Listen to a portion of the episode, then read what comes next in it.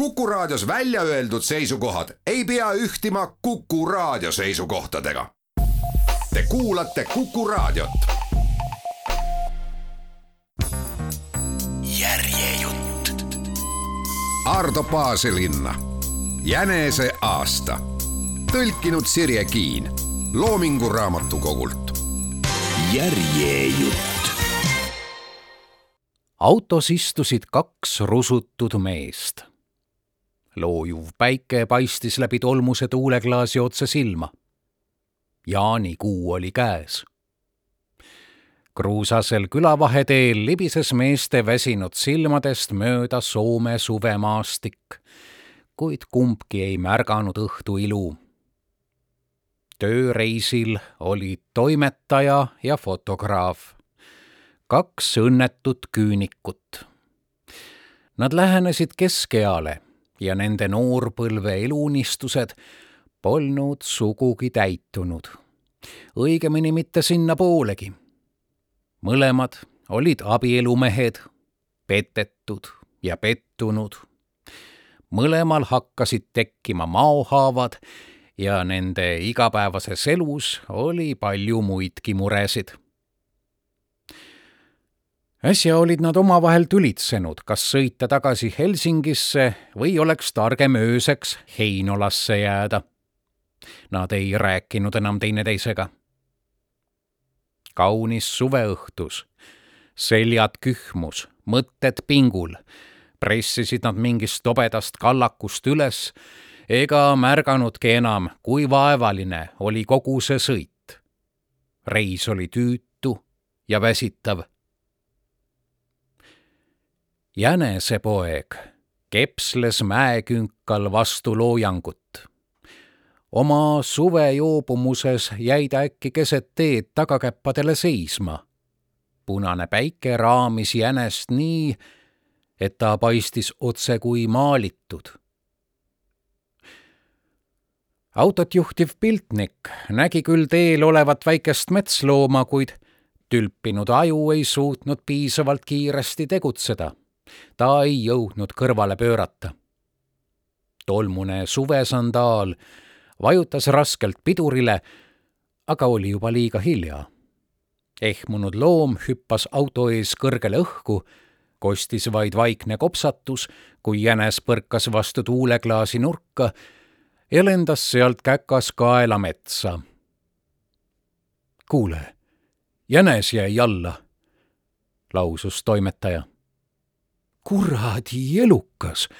hea, et tuuleklaas katki ei läinud. piltnik peatas auto ja tagurdas sündmuskohale. toimetaja läks autost välja. on ta seal kuskil või?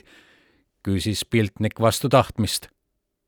ta oli aknaklaasi alla keeranud, kuid mootorit välja ei lülitanud. mida? hüüdis toimetaja metsast piltnik pani suitsu põlema, imes seda silmad kinni. ta virgus alles siis, kui sigaret hakkas sõrmi põletama. tule juba, mul pole aega ühe hullu jänese pärast siia jääda. toimetaja kõndis hajameelselt hõredas metsatukas, jõudis väikese põllulapi äärde, hüppas üle kraavi ja silmitses tumerohelist rohtu rohu sees nägigi ta jänesepoega. jänesepoja vasak tagajalg oli murdunud. jalg ripnes armetult liigesest väljas ja vaevas looma nii hullusti, et ta ei põgenenudki, kuigi nägi inimest tulemas. toimetaja võttis jänesepoja sülle, loomake kartis hirmsasti mees murdis oksarao ja pani tagajala taskurätist rebitud riideribaga lahasesse. jänes hoidis pead väikeste esikäppade vahel, kõrvad värisesid ta südamelöökidest. kaugemalt maanteelt kostis automootori järritunud urinat. kaks vihast signaali ja hüüe. tule juba, pagan võtaks me ei jõua iialgi Helsingisse, kui sa siin mööda metsi ringi jooksed. vaata ise, kuidas tuldud saad, kui sa sealt kohe välja ei tule. toimetaja ei vastanud. ta hoidis loomakest süles. tundus, et loom polnudki mujalt viga saanud kui ainult jalast. jänes rahunes pikapeale. piltnik tuli autost välja. Ta vahtis raevunult metsa. kaaslast polnud näha. ta vandus pani sigareti põlema ja tammus rahutult tee peal. kui metsast midagi kuulda polnud, kustutas mees sigareti maanteele ja karjus. jää siis siia, kuradi hull! piltnik kuulatas veel hetk aega, aga kui vastust ei kostnud, istus ta vihaselt autosse, andis gaasi, pani käigu sisse ja läks kruusatee krudises rataste all. hetke pärast oli auto kadunud. toimetaja istus kraavipervel, jänes süles, just nagu vana naine, kes on vajunud mõtteisse kudumistöö süles. piltniku automürinat polnud enam kuulda. Päike loojus toimetaja pani jänese rohule ja kartis hetkeks, et loom katsub otsemaid põgeneda, kuid jänes kükitas rohus ja kui mees ta uuesti sülle võttis, ei kartnud jänes enam üldse. siia me siis nüüd jäime, ütles mees jänesele. Mehe olukord oli niisugune. ta istus suveõhtul üksinda pintsaku väel metsas. õigupoolest oli ta saatuse hoolde jäetud. mida säärases olukorras tavaliselt tehakse? mees mõtles, et ta oleks ehk pidanud piltniku hüüdmisele vastama. nüüd peaks vist maanteele tagasi minema, ootama järgmist autot ja paluma küüti, et omal jõul kas Heinolasse või Helsingisse jõuda. mõte tundus väga vastumeelne. toimetaja heitis pilgu rahataskusse. seal oli mõni sajaline, pressikaart, haiguskindlustuskaart, naise foto, mõned mündid, paar kondoomi, võtmed, vana kevadpühade märk ja siis veel sulepäid, märkmik, sõrmus. tööandja oli märkmiku peale trükkinud Kaarlo Vadanen, toimetaja. haiguskindlustuskaardi tunnusnumbri kohaselt oli Kaarlo Vadanen sündinud aastal tuhat üheksasada nelikümmend kaks. Vadanen tõusis püsti vaatas viimast päikesekuma metsa taga, noogutas jänesele. ta vaatas maantee poole, kuid ei astunud sammugi, et teele minna. ta tõstis jänese maast üles, pani ettevaatlikult kuue küljetaskusse ja hakkas põllulapilt hämarduvasse metsa astuma piltnik sõitis vihaga Heinolasse. seal tankis ta paagi bensiini täis ja otsustas minna hotelli, mida toimetaja oli ööbimiskohaks soovitanud. piltnik võttis kahe inimese toa, viskas tolmused riided seljast ja läks duši alla. pärast pesemist läks ta hotellirestorani. ta arvas, et küllap ilmub ka toimetaja varsti sinna siis saab selle asja ära klaarida. piltnik jõi mõne õlle ja jätkas pärast sööki kangemate jookidega, kuid toimetajat polnud näha. Peltnik istus veel ööselgi hotellibaaris. ta vahtis musta baariletti ja kahetses vihaselt oma tegu. õhtu jooksul oli ta kogu loo uuesti läbi mõelnud. ta oli taibanud, et tegi vea, kui jättis oma kaaslase metsa, peaaegu asustamata piirkonda maha. mine tea, äkki murdis toimetaja metsas jalaluu või eksis ära või vajus soolaukasse, sest muidu oleks toimetaja kindlasti omal jõul Heinolasse tulnud, kas või jalgsi. Piltnik taipas helistada Helsingisse toimetaja naisele. Naine vastas unise häälega, et vadast pole näha olnud. aga kui ta märkas, et helistaja on purjus, viskas toru hargile kui piltnik püüdis uuesti samale numbrile helistada, siis see ei vastanud. naine oli muidugi pistiku seinast välja tõmmanud. hommikupoole ööd võttis piltnik takso. Ta otsustas mahajätmiskohas ära käia, et vaadata, äkki on toimetaja siiski veel seal. taksojuht küsis joobnud kliendilt, kuhu sõita sõidame aga mööda seda teed. õieti ei sõidagi me kuhugi. ma ütlen siis, kus me peatume. taksojuht vaatas vilksamisi taha.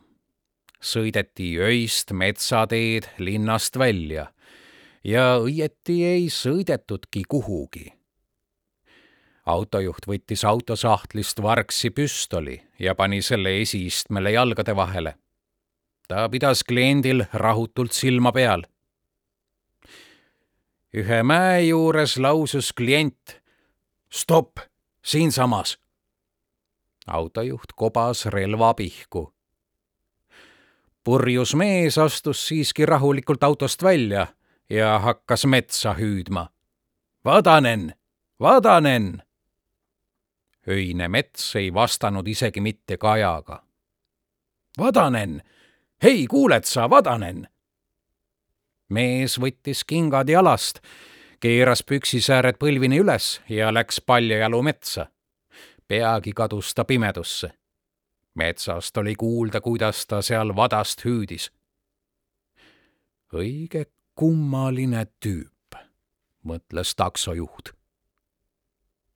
lärmanud hämaras metsas umbes pool tundi, tuli klient tee peale tagasi ta palus lappi ja pühkis oma porised sääred puhtaks. tõmbas kingad paljaste jalgade otsa, sokid paistsid olevat kuue taskus. sõideti tagasi Heinolasse. Teil paistab keegi vadanen kadunud olevat. on kadunud, jah. ma jätsin ta õhtul sinna mäe peale, aga enam teda seal ei ole. Polnud jah mina ka ei näinud, lausus autojuht kaastundlikult. Piltnik ärkas hotellis kella üheteistkümne paiku. raske pohmelus tagus peas, ajas oksele. talle meenus toimetaja kadumine. peab kohe vadase naisele tööle helistama. Piltnik jutustas ta läks seal mäe peal ühte jänest otsima, aga tagasi ei tulnud.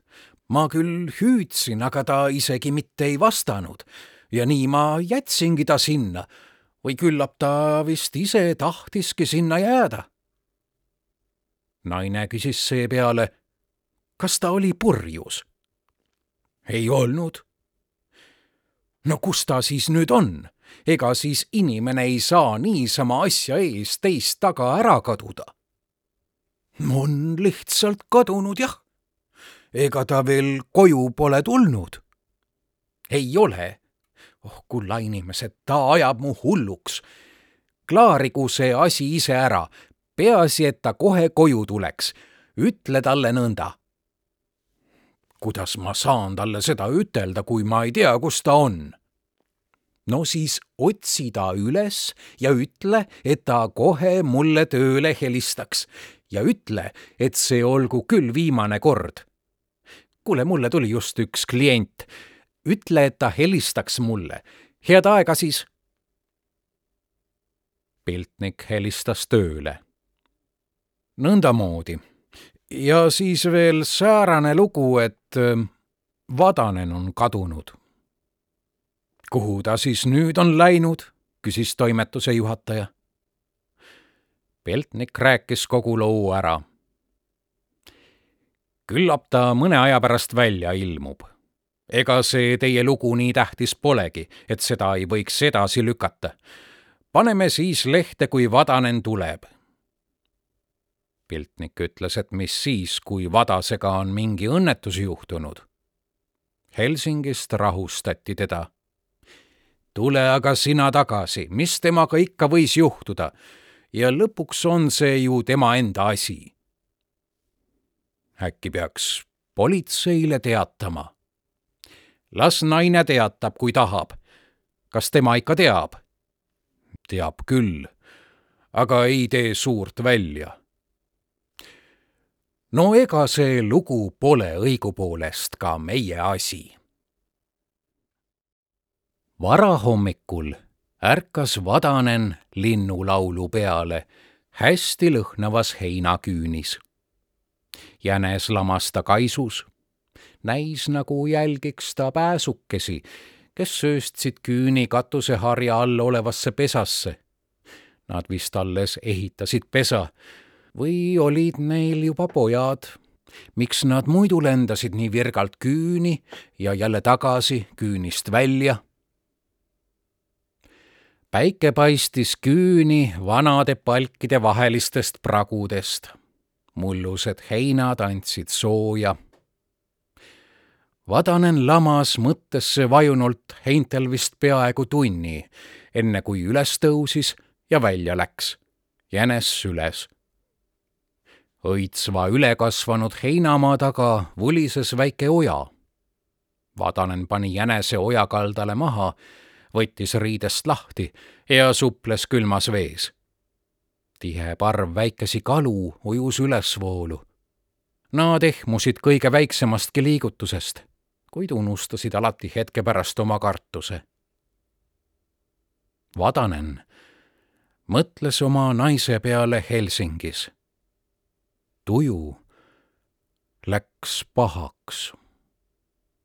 Vadanen ei armastanud oma naist naine oli omamoodi õel inimene.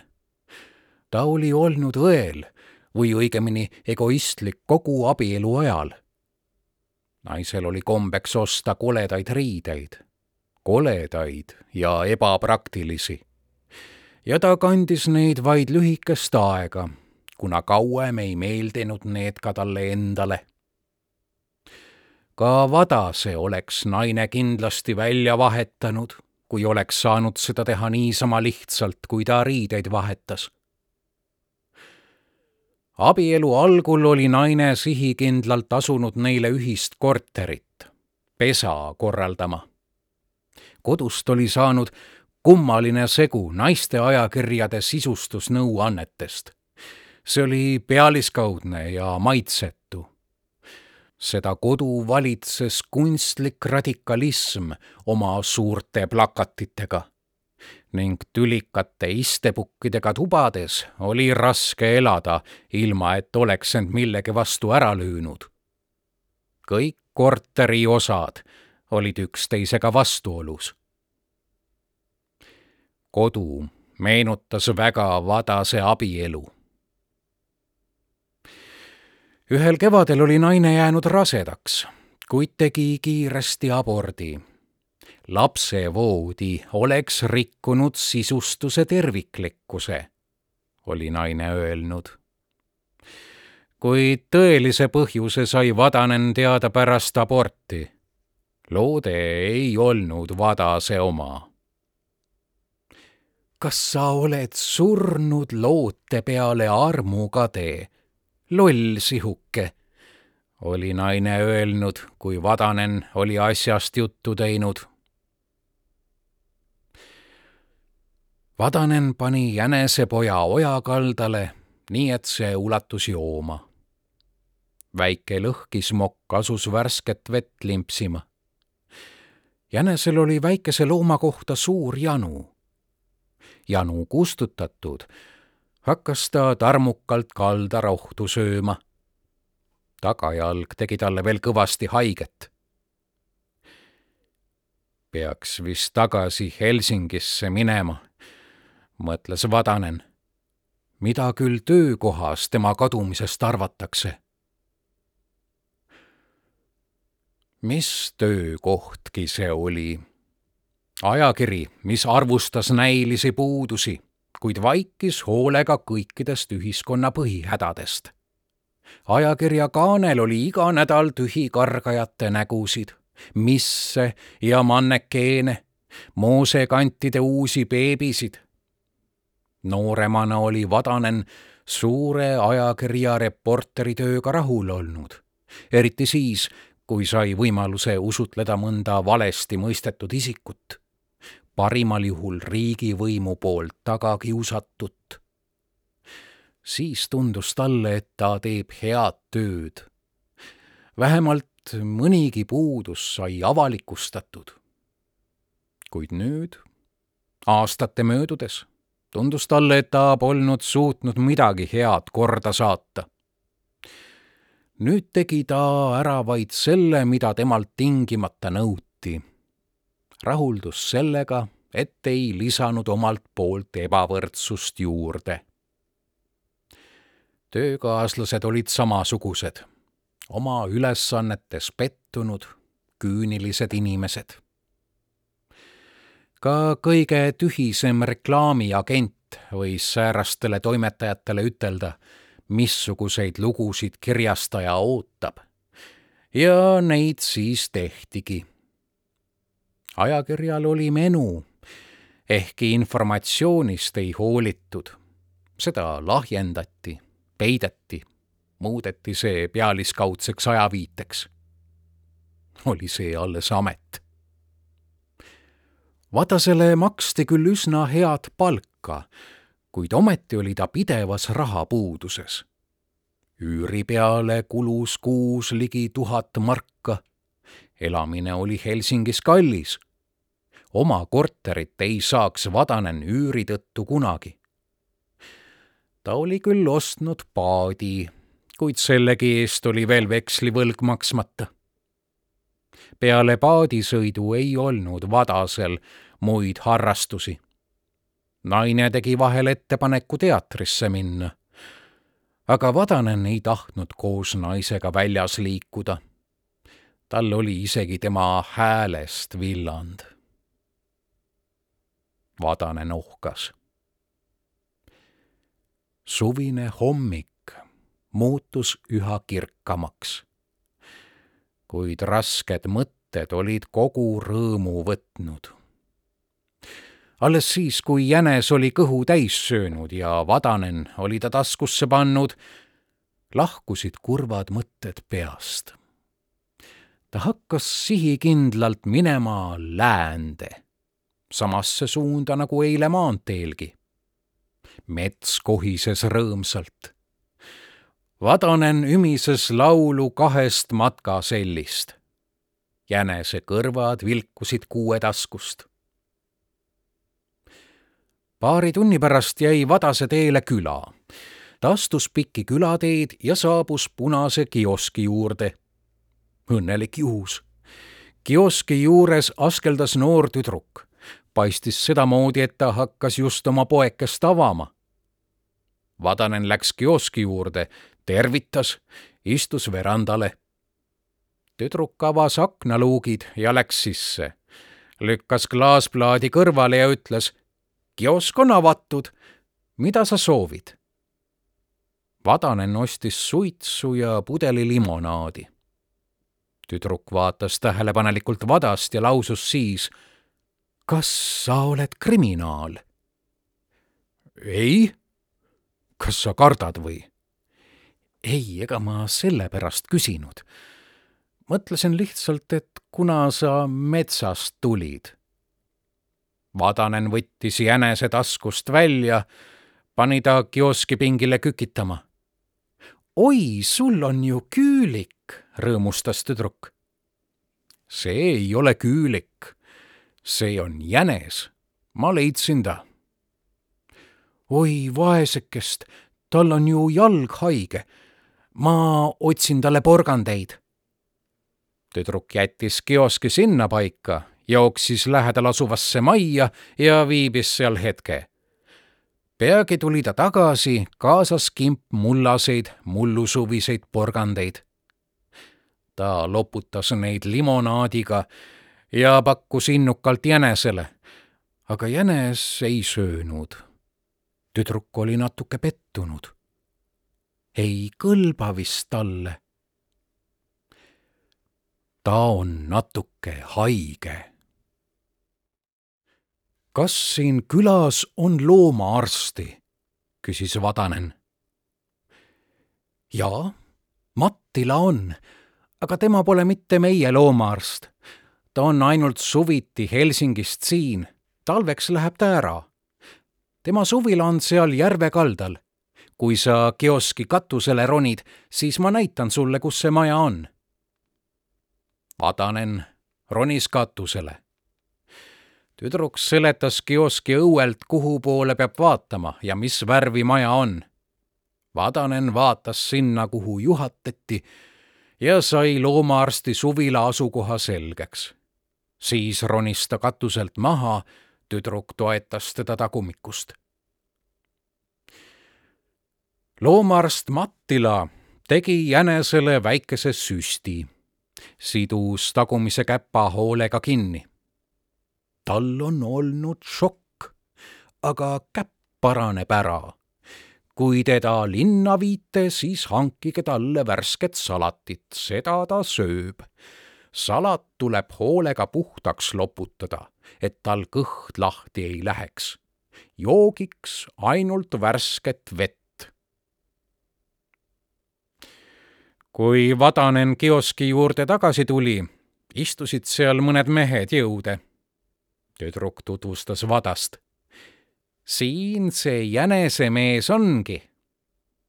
mehed jõid pilsnerit jänes pakkus neile suurt huvi. Nad pärisid tema kohta. üheskoos mõistatati, kui vana ta võiks olla. üks meestest rääkis, et alati enne heinategu käib ta mööda niitu ja karjub nii kõvasti, et rohus peidus olevad jänesed pakku jooksevad. Muidu jäävad nad niidumasinad eraette ühel suvel jäi koguni kolm jänesepoega. ühel lõikas kõrvad läbi, teisel tagajalad ja kolmanda keskelt pooleks.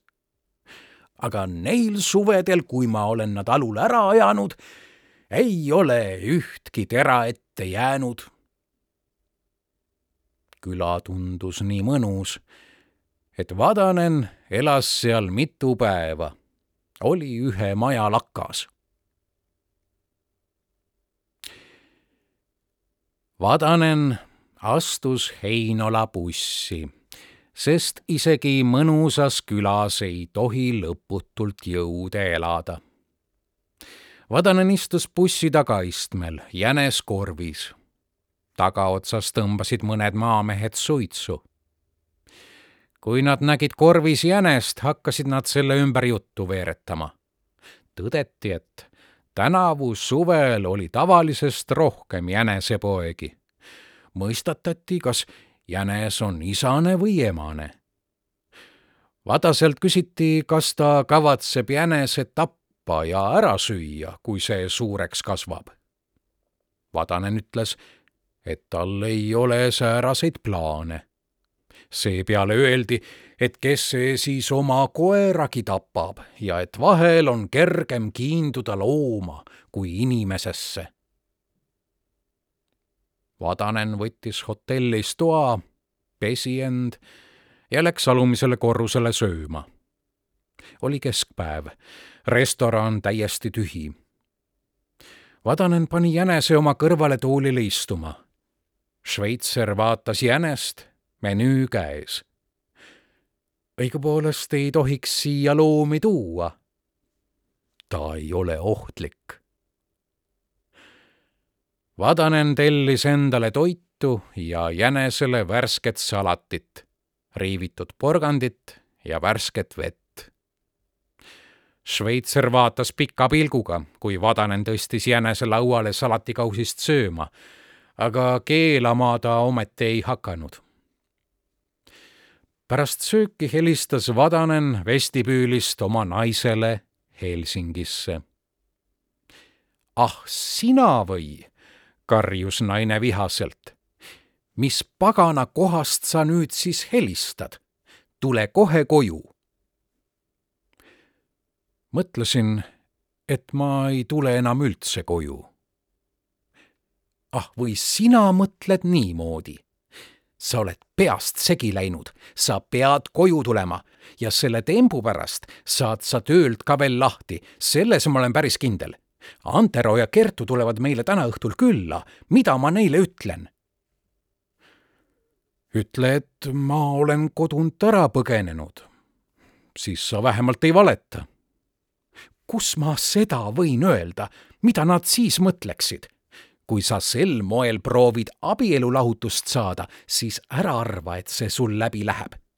mina ei lase sul niisama lihtsalt minna, sest sa oled minu elu hävitanud kaheksa aastat olen ma sinu pärast kaotanud. hull olin, kui su meheks võtsin. naine hakkas nutma. nuta rutem, kõne läheb niigi kalliks maksma. Kui sa kohe ei tule, siis annan ma asja politsei kätte. küll sa siis õpid kodus olema. vaevalt, et see lugu politseid huvitab pane tähele, ma helistan kohe maid Anti Ruuhosele. siis sa näed, et mul on seltsi küll. Vadanen pani toru hargile. Seejärel helistas ta oma sõbrale Ürjole. kuule, Ürjö, ma müün oma paadi sulle ära. mis sa ometi räägid, kust sa helistad? maalt, Heinolast.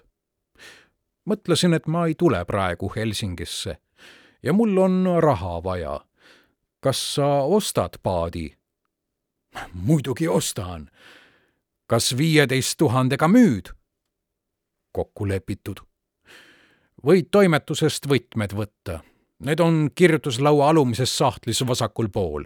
kaks võtit, sinise plastmassrõnga küljes küsi kas või Leenalt. sa ju tunned teda, tema võib sulle anda. ütle, et mina käskisin. kas sul sularaha on? on küll. Kas sadamakoht käib hinna sisse? käib küll. tee nüüd nõnda. mine kohe ja maksa minu veksel pangas ära. Vadanen andis oma arvenumbri ja siis mine mu naise juurde. anna talle viis tuhat marka ja saada ülejäänud seitse tuhat marka Heinola ühispanka kiirmaksena. nõus? Kas ma saan su merekaardid ka? saad küll, need on naise käes. ära sa paati kivide otsa aja. sõida algul ettevaatlikult, siis ei juhtu õnnetusi kuidas ometi raatsid paadi ära müüa? kas närv ütles üles või? võib ka niimoodi öelda. Järgmisel päeval läks Vadanen koos jänesega Heinola panka. samm oli kerge, elu muretu, mis seal rääkida inimese kuuendast meelest on palju juttu olnud ja mida lähemale Vadanen pangale jõudis, seda selgemini hakkas talle tunduma, et asjad ei ole korras. Vadanen lähenes pangale ettevaatlikult, kuigi ta ei osanud arvata, missugune oht teda seal võis ähvardada. Vadanen arvas, et mõne päeva pikkune vabadusaeg oli muutnud ta vaistut tundlikumaks mõte tegi talle nalja ja ta astus naeru näol panka. vaist oli õigesti hoiatanud. Vadase naine istus pangasaalis selg ukse poole. Vadase süda võpatas. viha ja hirm kohisesid läbi keha. isegi jänes ehmus Vadanen tormas pangast välja tänavale. ta jooksis pikki kõnniteed nii kiiresti, kui jalad kandsid. vastutulijad jäid jahmunult vahtima meest, kes jooksis pangast välja, käes korv, kust vilkusid väikesed jänesekõrvad. Vadanen jooksis kvartali teise otsa, pööras seal kõrvaltänavasse, nägi samal hetkel enda ees väikese kõrtsi ust. otse maid tormas ta restorani sisse. ta hingeldas Teie olete kindlasti toimetaja Vadanen, küsis Šveitser, vaadates jänest, just nagu tunneks ta seda. Teid oodatakse siin. restorani taganurgas istusid piltnik ja toimetuse juhataja. Nad jõid kahekesi õlut ega märganud Vadast Šveitser seletas, et härrad olid palunud juhatada oma lauda vadase moodi mehe, kellel võib ehk jänes kaasas olla. jälle taheti vadast ära viia. ta sai jalad alla, hiilis hotelli ja katsus mõelda, mis oli tema asjakorralduses viltu läinud ta jõudis järeldusele, et kõige taga oli see pagana Ürjö. Vadanen helistas Ürjöle. tuli välja, et Ürjö oli lollist peast naisele ütelnud, kuhu ta ülejäänud paadiraha saatis. võib juba arvata, mis järgnes naine oli värvanud tööandja Heinolasse kaasa vadast kinni võtma ja istus nüüd pangas, oodates, mil Vadanen raha järele tuleb. raha oli panka saadetud, ent kuidas Vadanen selle ilma skandaalita kätte saaks? selle üle tuli mõelda. Vadasel tuli idee. ta palus portjeel toaarve välja kirjutada, kuid ütles, et tema tuppa tulevad varsti kolm inimest temaga kohtuma üks naine ja kaks meest. pärast seda kirjutas Vadanen hotelli kirjapaberile paar sõna. Ta jättis teate lauale. Need asjad tehtud, haaras Vadanen telefoni ta otsis telefoniraamatust restorani numbri, kuhu ta hetk tagasi oli sisse võiganud nagu kass kuuma ahju.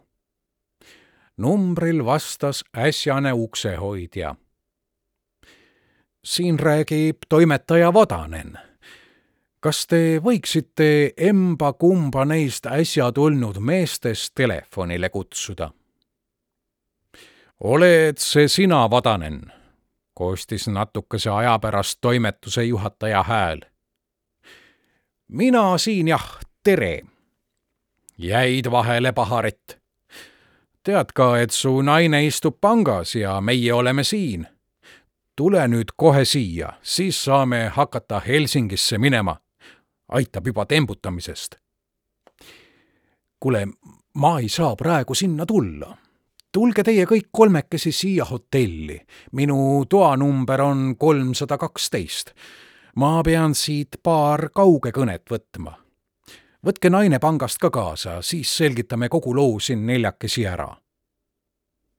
no okei okay,, me tuleme püsi nüüd siis seal.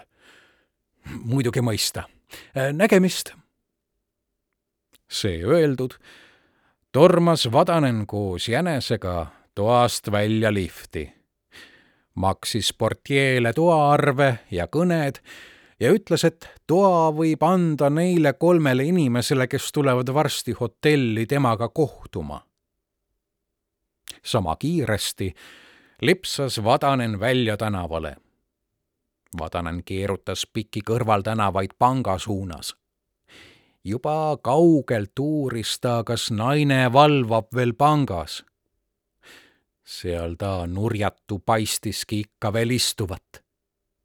Vadanen jäi nurga taha ootama. peagi astusid lähedal asuvast restoranist välja kaks meest, toimetuse juhataja ja piltnik. Nad läksid panka ja tulid koos vadase naisega välja. Kõik kolm läksid hotelli poole. Vadanen kuulis, kuidas naine ütles ma ju ütlesin, et ega teda muud moodi kinni ei saa. kui kõik kolm olid silmist kadunud, astus Vadanen rahulikult panka. Läks raha väljavõtmisleti äärde ja näitas oma isikutunnistust. Ametnik luges kaardilt ta nime. Teie proua otsis teid. ta lahkus just äsja. ma tean. ma kohtun temaga varsti. pangas oli Vadase nimel kokku lepitud seitse tuhat marka, maha arvatud kuus marka, mis kiirsaadetis praegu maksab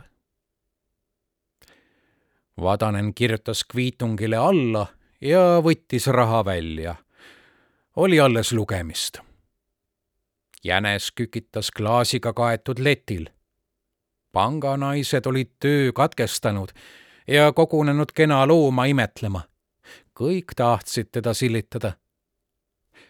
ärge ainult tema tagumist käppa puudutage, see on murtud, hoiatas Vadanen heatahtlikult oi kui armas ta on, ütlesid naised. pangasaalis valitses südamesse tungiva õnne õhkkond. kui Vadanen viimaks minema pääses, läks ta Turuplatsi taksopeatusesse, istus suurde musta autosse ja ütles juhile sõidame Mikkelisse kiiresti Vadase hotellitoas käis äge arutelu. põhjuseks oli sedel, mille Vadanen oli lauale jätnud. seal seisis Jätke mind rahule, Vadanen. järjejutt. Ardo Paaselinna, Jänese aasta, tõlkinud Sirje Kiin Loomingu Raamatukogult. järjejutt